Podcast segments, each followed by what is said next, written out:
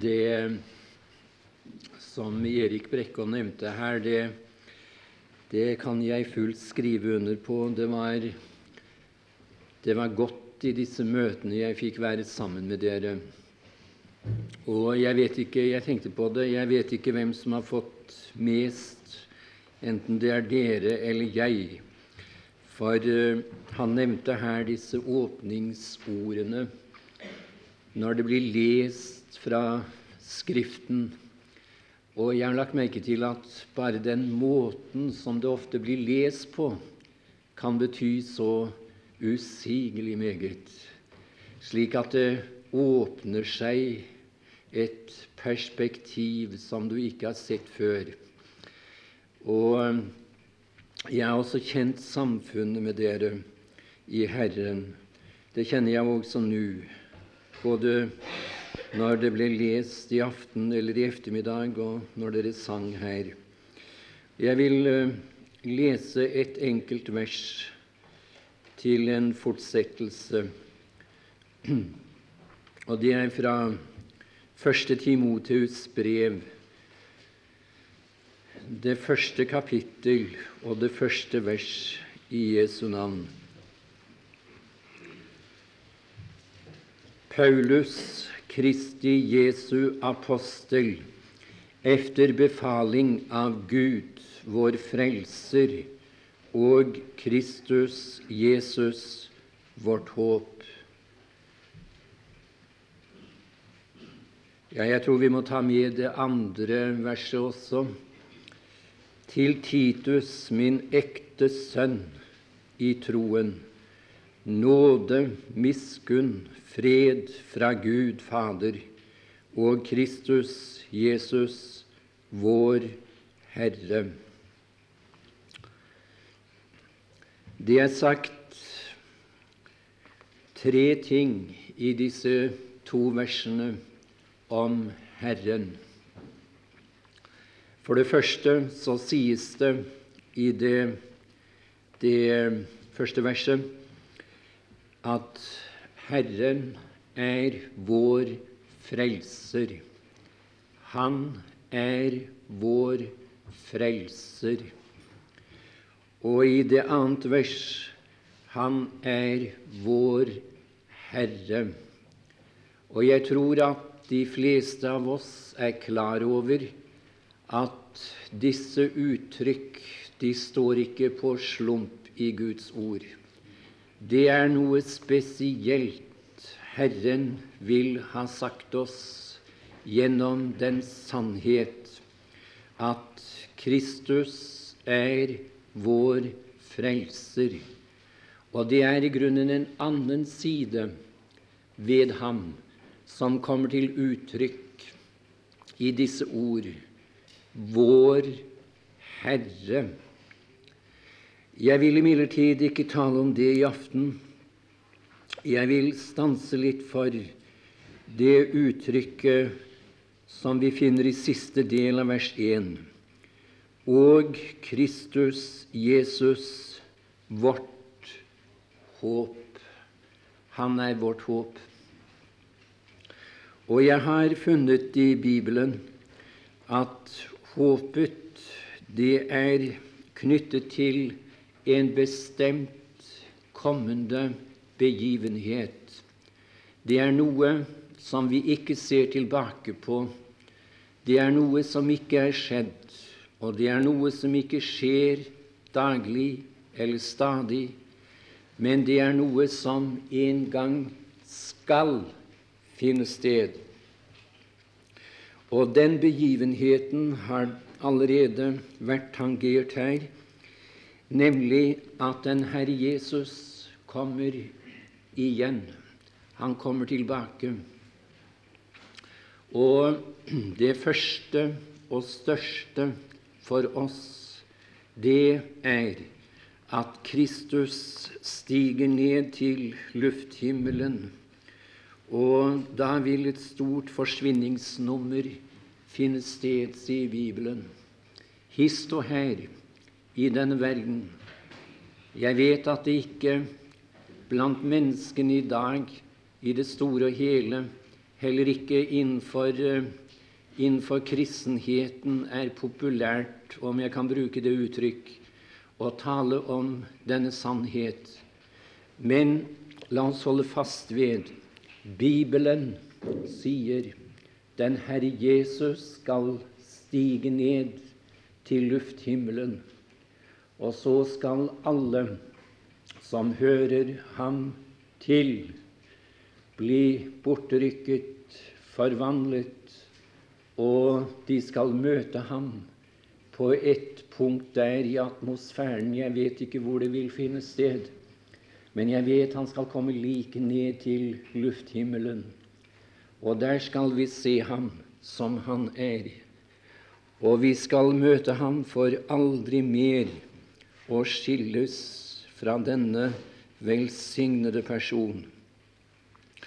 Vi skal lese litt om dette håp, og vi går da til 1. Peters brev i det første kapittel og det tredje vers.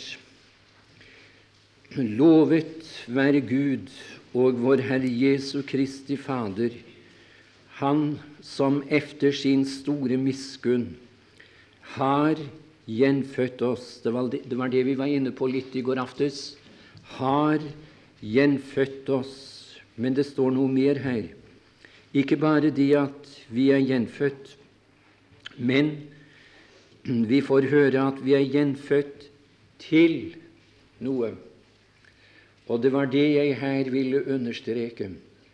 Han som har gjenfødt oss til hva har han gjenfødt oss til, blant annet et levende håp ved Jesu Kristi oppstandelse fra de døde. Her sies det at håpet er levende. Det var det i den første tid etter at han gikk bort, og det er med hensyn til karakter like levende den dag i dag. Det har ikke forandret seg. Men det er vel et stort spørsmål om håpet er like levende i våre forsamlinger rundt om i vårt land som det kanskje var for år tilbake. Og jeg tror det kan være godt at vi blir konfrontert med det spørsmål Lever vi i dette håp?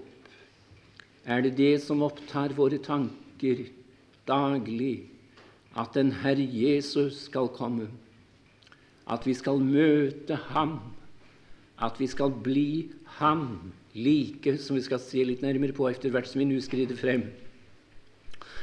Jeg for min del må si at i de siste årene av mitt liv så tror jeg neppe det har gått en dag uten at mine tanker har gått til den begivenheten.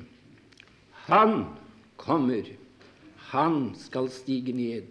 Jeg skal møte ham. Jeg skal se ham som han er. Det må bli et vidunderlig øyeblikk. Og vi tar med også litt fra Åpenbaringens bok her. Åpenbaringens bok, og det er det tredje kapittel. Der der leser vi Det er et budskap til, til uh, Sardes fra det annet vers. Og her er det spesielt ett ord som jeg tror det er viktig å understreke. Og jeg skal prøve å presisere det nå. Bli våken og styrk det, det, ikke den. Jeg har lagt merke til at noen kanskje leser det, men de taler om den. Nei, her står 'bli våken og styrk det annet som var på vei til å dø'. Det var altså noe som var på vei til å dø. Og så forteller de oss at det er de troende. De er gjenfødte mennesker som er på vei til å dø. Så går de her og frykter for og er angst med tanke på at kanskje vil døden plutselig inntre, altså i åndelig forstand. Nei, det er ikke det som, så langt jeg forstår i hvert fall, er omtalt her. Vi skal ta litt tid på det. Betrakt nå disse ordene. Bli våken og styrk det annet som var på vei til å dø. For jeg har ikke funnet dine gjerninger fullkomne for min Gud. Og så vers 3, og der tror jeg du, du har forklaringen. Kom derfor i hu hvorledes du har lært og hørt, og ta vare på det, og omvend deg. Altså, det var noe de en gang hadde lært og hørt, og det var det som var på vei til å dø. Her kan det være godt å ta med litt fra, fra, fra menighetens historie. Eh, på Konstantins tid, det var på det, på det tredje århundret, eller, eh, eller i det fjerde århundret, unnskyld, da rakte keiser Konstantin eh, vennskapshånd til staten, faktisk. Han sa vi skal ikke snakke noe mer om dette der med at den Herre Jesus kommer for å bortrykke sine. Men vi snakker like godt om dommens dag. Vi gjør denne sannhet identisk med dommens dag. Han, han, han vil ikke fornekte det, at den Herre Jesus en gang skulle komme, men han skal komme til dom. Og det vil finne sted en alminnelig oppstandelse av uomvendte og av troende mennesker. Og sannheten er at uh, gjennom alle disse årene, fra begynnelsen av det fjerde århundret og til, til uh, i begynnelsen av, uh, av 1800-tallet Så vidt jeg vet, så var det så var det i 1829, 28 eller 29. Da var det noen uh, troende som kom sammen. Det, det skjedde i, i, England og forskjellige andre land, i, så vidt jeg vet, i, i Frankrike, i Italia og, og andre, andre steder. Også noen i Amerika, visstnok. De visste ikke om hverandre, men de kom sammen, som sagt, noen små flokker der. Og, og, og så la de enhver annen bok til side. De hadde bare Bibelen for seg, bare denne gamle boken som har stått sin prøve gjennom alle tider. Og så begynte de å lese her, med det resultat at de fant den sannheten, denne vidunderlige sannheten. Han skal komme igjen. Ikke til dom, jo, han skal det også, men han skal komme for å rykke bort dem som hører ham til. Og siden den gangen så har denne sannhet vært forkynt i denne verden. I en dag kom den også til mitt hjerte. Ja, jeg har tenkt på det i dag. Dere må unnskylde at jeg blir litt beveget. Men jeg har tenkt på det i dag. Hva har det ikke betydd at jeg fikk se litt av dette her mens jeg var en ganske ung gutt, 16-17 år gammel? fikk se sannheten om han kommer. Og han kommer i karakter av frelser, ikke som dommer. Han kommer for å ta meg hjem. Han kommer som brudgom. Jo, det er stort, det. Det er noe som vi, som vi gjerne kunne snakke kanskje litt mer om når vi møter hverandre, når vi kommer sammen i en liten flokk, mer sånn privat. Det er så lett for å snakke om alle ting, men vi, vi, burde, vi burde fordype oss i disse sannheter når vi kommer sammen. Vi leser eh, videre i Hebrevbrevet og det tiende kapittel, altså tiende kapittel av Hebrevbrevet, vers 23. Det er, det er, tre oppmuntringer gitt oss her i 22, 23 og 24. I 22 heter det 'Så la oss trede frem'. Ja, det er godt. Vi kan trede frem til enhver tid. Trede frem for Gud. Og i det i det 25.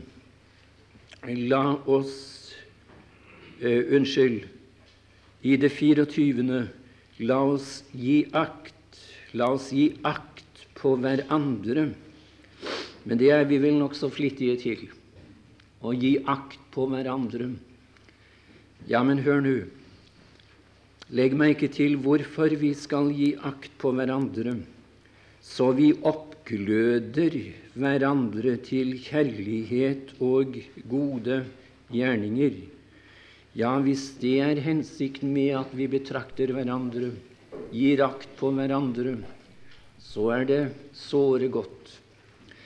Eh, det var det 23. verset jeg gjerne ville henlede din oppmerksomhet på i denne sammenheng.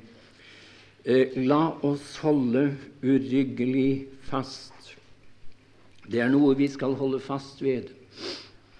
Jeg har hørt en, en, mengde predikanter si at vi skal holde fast ved den Herre Jesus. Vi skal holde fast på ham.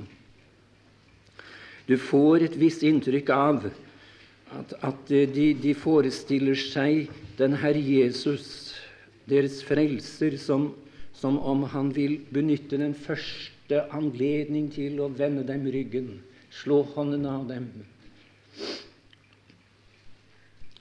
Nei, han er ikke slik, den frelser som jeg har lært å kjenne. Så du behøver ikke å tenke på dette stadig 'Å, jeg må passe på ham'. Det er nemlig ikke fåret som passer hyrden. Det er hyrden. Det vet vi alle. Det vet de minste her. Som passer hyrden fåret. Det er han som har ansvar for å få fåret hjem. Men det er allikevel flere ting vi er bedt om å holde fast ved i, i Bibelen, altså som troende mennesker. Og her er en av de ting. La oss holde uryggelig fast ved bekjennelsen. Ikke bare, ikke bare holde fast ved vårt håp, men ved bekjennelsen av vårt håp. Vi skal bekjenne det i denne verden. Vi skal fortelle det at vi har et håp. Og vi skal det er brukt et sterkt uttrykk vi skal holde uryggelig fast ved den sannhet at den Herre Jesus kommer igjen for å hente oss. Og vi skal lese hele verset. La oss holde uryggelig fast ved bekjennelsen av vårt håp. For han er trofast som gav løftet. Det står ikke 'han er trofast som gav løftet ned'. Riktignok er han det. Gud være takk. Men det lyder ikke slik her. Her står det 'for han er trofast som gav løftet'. Og det vet vi at når det står på denne måte, så betyr det et bestemt løfte. Det sikter til et bestemt løfte. Og hvilket løfte siktes det til her? Jo, hør. Det er håpet. håpet og løftet er identisk. Og det bringer oss til å tenke på Johannes 14 igjen, som vi berørte så vidt i formiddag. Der står nemlig at i det tredje verset når jeg, når jeg er gått bort Ja, dere må unnskylde at jeg nevner uh, forskjellige andre oversettelser. Den norske bibel er, så vidt jeg forstår, meget god. Men Eh, vi vil nok forstå at det kan være vanskelig å få gi uttrykk for, for tanken på de respektive språk. Derfor er det godt å sammenligne litt. Og det står ikke i den engelske bibel 'når jeg har gått bort'. Det er de som, som legger veldig trykk på uh, denne tidskonjunksjonen der når jeg er gått bort. Men det står 'om jeg går bort'. Om jeg går bort. Jeg kommer igjen. Om jeg går bort. Jeg kommer igjen. Altså Det er løftet Han har gitt oss, og jeg synes det er så fint. Det er nemlig første gang i Skriften at vi finner eh, dette sagt på en slik måte. Han taler jo i, i de synoptiske evangelier om menneskesønnens komme og kongens konge, komme og dommerens komme. Men her, her sier han det er jeg som kommer. Jeg. Det er jeg som kommer. Det er noe personlig det er noe privat. Jeg kommer. Og Jeg har brukt av og til en liten illustrasjon. Jeg vet ikke om jeg har benyttet den her. Men eh, nå har ikke vår, vårt land noen, noen dronning. Men vi har en konge. Og la oss si Sett nå at, at, at eh, kronprinsesse Märtha hadde levet fremdeles. Det står ikke 'han er trofast som gav løftet ned'. Riktignok er han det, Gud være takk. Men det lyder ikke slik her. Her står det 'for han er trofast som gav løftet'. Og det vet vi at når det står på denne måte, så betyr det et bestemt løfte. Det sikter til et bestemt løfte. Og hvilket løfte siktes det til her? Jo, hør det er håpet. Håpet og løftet er identisk, og det bringer oss til å tenke på Johannes 14 igjen, som vi berørte så vidt i formiddag. Der står nemlig at i det tredje verset når når jeg er gått bort Ja, dere må unnskylde at jeg nevner uh, forskjellige andre oversettelser. Den norske bibel er, så vidt jeg forstår, meget god. Men eh, vi vil nok forstå at det kan være vanskelig å få gi uttrykk for, for tanken på de respektive språk. Derfor er det godt å sammenligne litt. Og det står ikke i den engelske bibel 'når jeg har gått bort' det er de som, som legger veldig trykk på uh, denne tidskonjunksjonen der når jeg er gått bort. Men det står 'om jeg går bort'. Om jeg går bort. Jeg kommer igjen. Om jeg går bort. Jeg kommer igjen. Altså det er løftet Han har gitt oss, og jeg synes det er så fint. Det er nemlig første gang i Skriften at vi finner eh, dette sagt på en slik måte.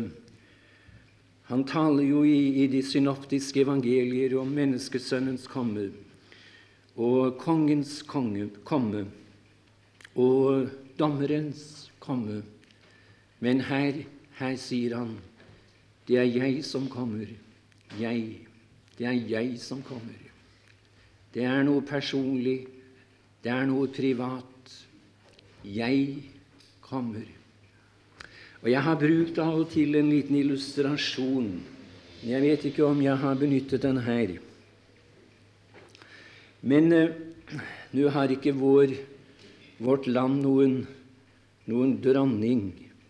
Men vi har en konge, og la oss si Sett nå at, at, at uh, kronprinsesse Märtha hadde levet fremdeles. Og vi uh, tenker oss videre at kongen er ute og reiser. Han er utenlands. Og da vet vi at det står ofte i avisene eh, Kongen kommer. Hans Majestet Kongen kommer. Eh, ikke sant? Det er gjerne store overskrifter. Kongen kommer den og den dagen. Men eh, tror du kong Olav ville uttrykt seg på den måte hvis han sendte et privat brev hjem til, eh, til dronning Märtha? Når han satt der i utlandet og skrev til henne, tror du han ville si det på denne måte? Dronning Märtha, kongen, kommer. Jeg er overbevist om at han ville ikke uttrykke seg på denne måten.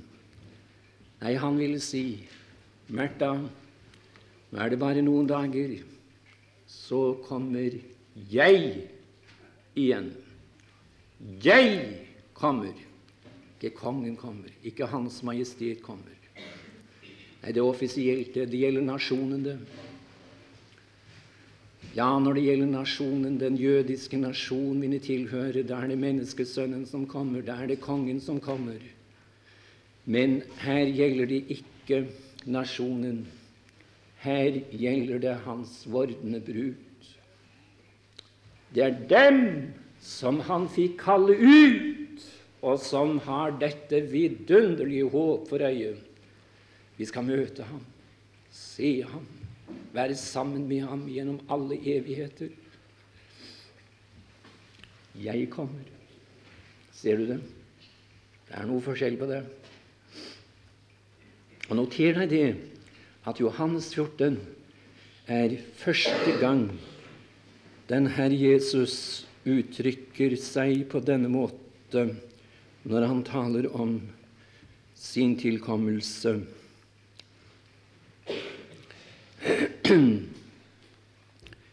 Vi, vi kontaktet Skriften igjen, nemlig Romebrevet 8. Romebrevet 8, fra det 23. vers. 23. Ja, ikke bare det, men også vi som dog har åndens førstegrøde, også vi sukker med oss selv i det vi stunder efter det er noe vi stunder efter. Hva er det? Her kommer det. Vårt Ikke vår barnerett, ikke vår barnerett, men vårt barnekår. Det er sønneutkårelsen det her er tale om. Når det vil finne sted offisielt, Altså vårt barnekår. Og hva er vårt barnekår? Vi vet at de kår vi lever i her, de er ikke Guds barns egentlige kår eller evige kår. De kårene vi erfarer her, de de er de vi deler med ham i forkastelsen, mens Kristus er en forkastet person i denne verden. Og det er de som lider i dag, lider fryktelig i dag.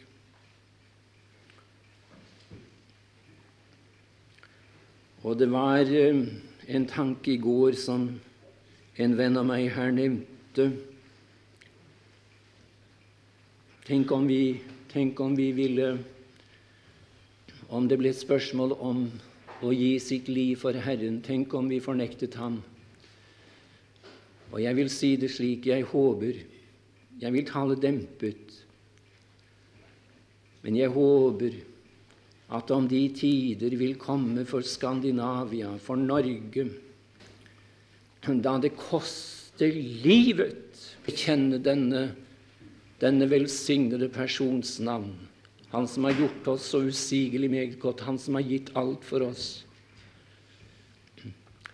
Ja, jeg tør ikke bruke sterkere ord, men jeg håper at jeg da må kunne bekjenne ham like sterkt, like klart, om så skulle skje. De kår vi lever i her, er ikke Guds barns kår i egentlig forstand. Det er fremmede kår. Vi er i her, men vi venter på noe, vi stunder etter noe. Det er noe som skal skje. Og det er dette i det vi stunder efter vårt barnekår eller sønnekår. Og hva er det? Du ser det står komma der. Og så heter det 'vårt legemes forløsning'. Vårt legemes forløsning. Det er forvandlingen. Da skal legemet bli frelst. For i håpet er vi frelst. Men et håp som sies, er ikke noe håp. Hvorfor skulle vi håpe det som vi ser? Men dersom vi håper det som vi ikke ser, da stunder vi efter det med tålmod. Det er altså vårt barnekår det her er tale om. Hvordan skal de kårene være? Ja, vi har det jo i bl.a. Johannes' åpenbaring 21. kapittel og det fjerde vers. Han skal tørke bort hver tåre, hver tåre. Han skal tørke bort hver tåre av deres øyne. Og døden skal ikke være mer. Vi skal altså få et legeme som aldri kan dø. Og det skal ikke være sorg, ikke skrik, og ikke pine. For de første ting er veket bort. Ja, det må vi bare se i øynene, at det er mange troende som må gråte i dag. Og det er mange, mange troende som feller beske tårer mens vi er forsamlet her i ettermiddag av en eller annen grunn. Det er så mye å gråte over. Kristenlivet fortoner seg ikke slik som mange vil ha oss til å tro, at det, det, det, det går så glatt med et håndklapp og med et smil om munn og et halleluja-rop. Nei, det er ikke slik. Det er mørke tider som kommer. Så lenge vi er i de fremmede kår, forholder seg slik. Jeg vet ikke hva du har grått mest over. Kanskje det er på grunn av at jeg har i grunnen synes du mislykkedes å leve Hans navn verdig. Ja, jeg må si det. Det har tynget meg mange ganger ville så gjerne være en representant for Kristus som var verdig hans navn, som jeg bekjenner. Men så faller man, så, så, så har man snublet, så har man forgått seg. Vi skal tenke litt over dette. Det kan være ord som blir sagt av en troende som ikke er en troende verdig sagt i en tone som ikke sømmer seg i en trone. Og ikke kanskje minst gjelder dette hjemmet. Tenk litt over det. Hvem du representerer. Jo, jeg vet du har grått over det. Og vi gråter også over dem som står utenfor. Der er noen som tilhører vår familie, som ennå ikke er frelst. Og jeg tør være så personlig når vi ber for dem hjemme hos oss, så presser det seg tårer frem på kinnet. Må redde dem, frelse dem. Vil så gjerne ha dem med hjem.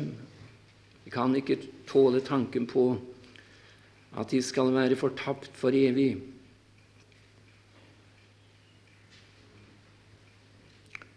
Tårer, sorgens tårer, savnets tårer, når du er der i ensomhet, savner den som sto deg nær i livet.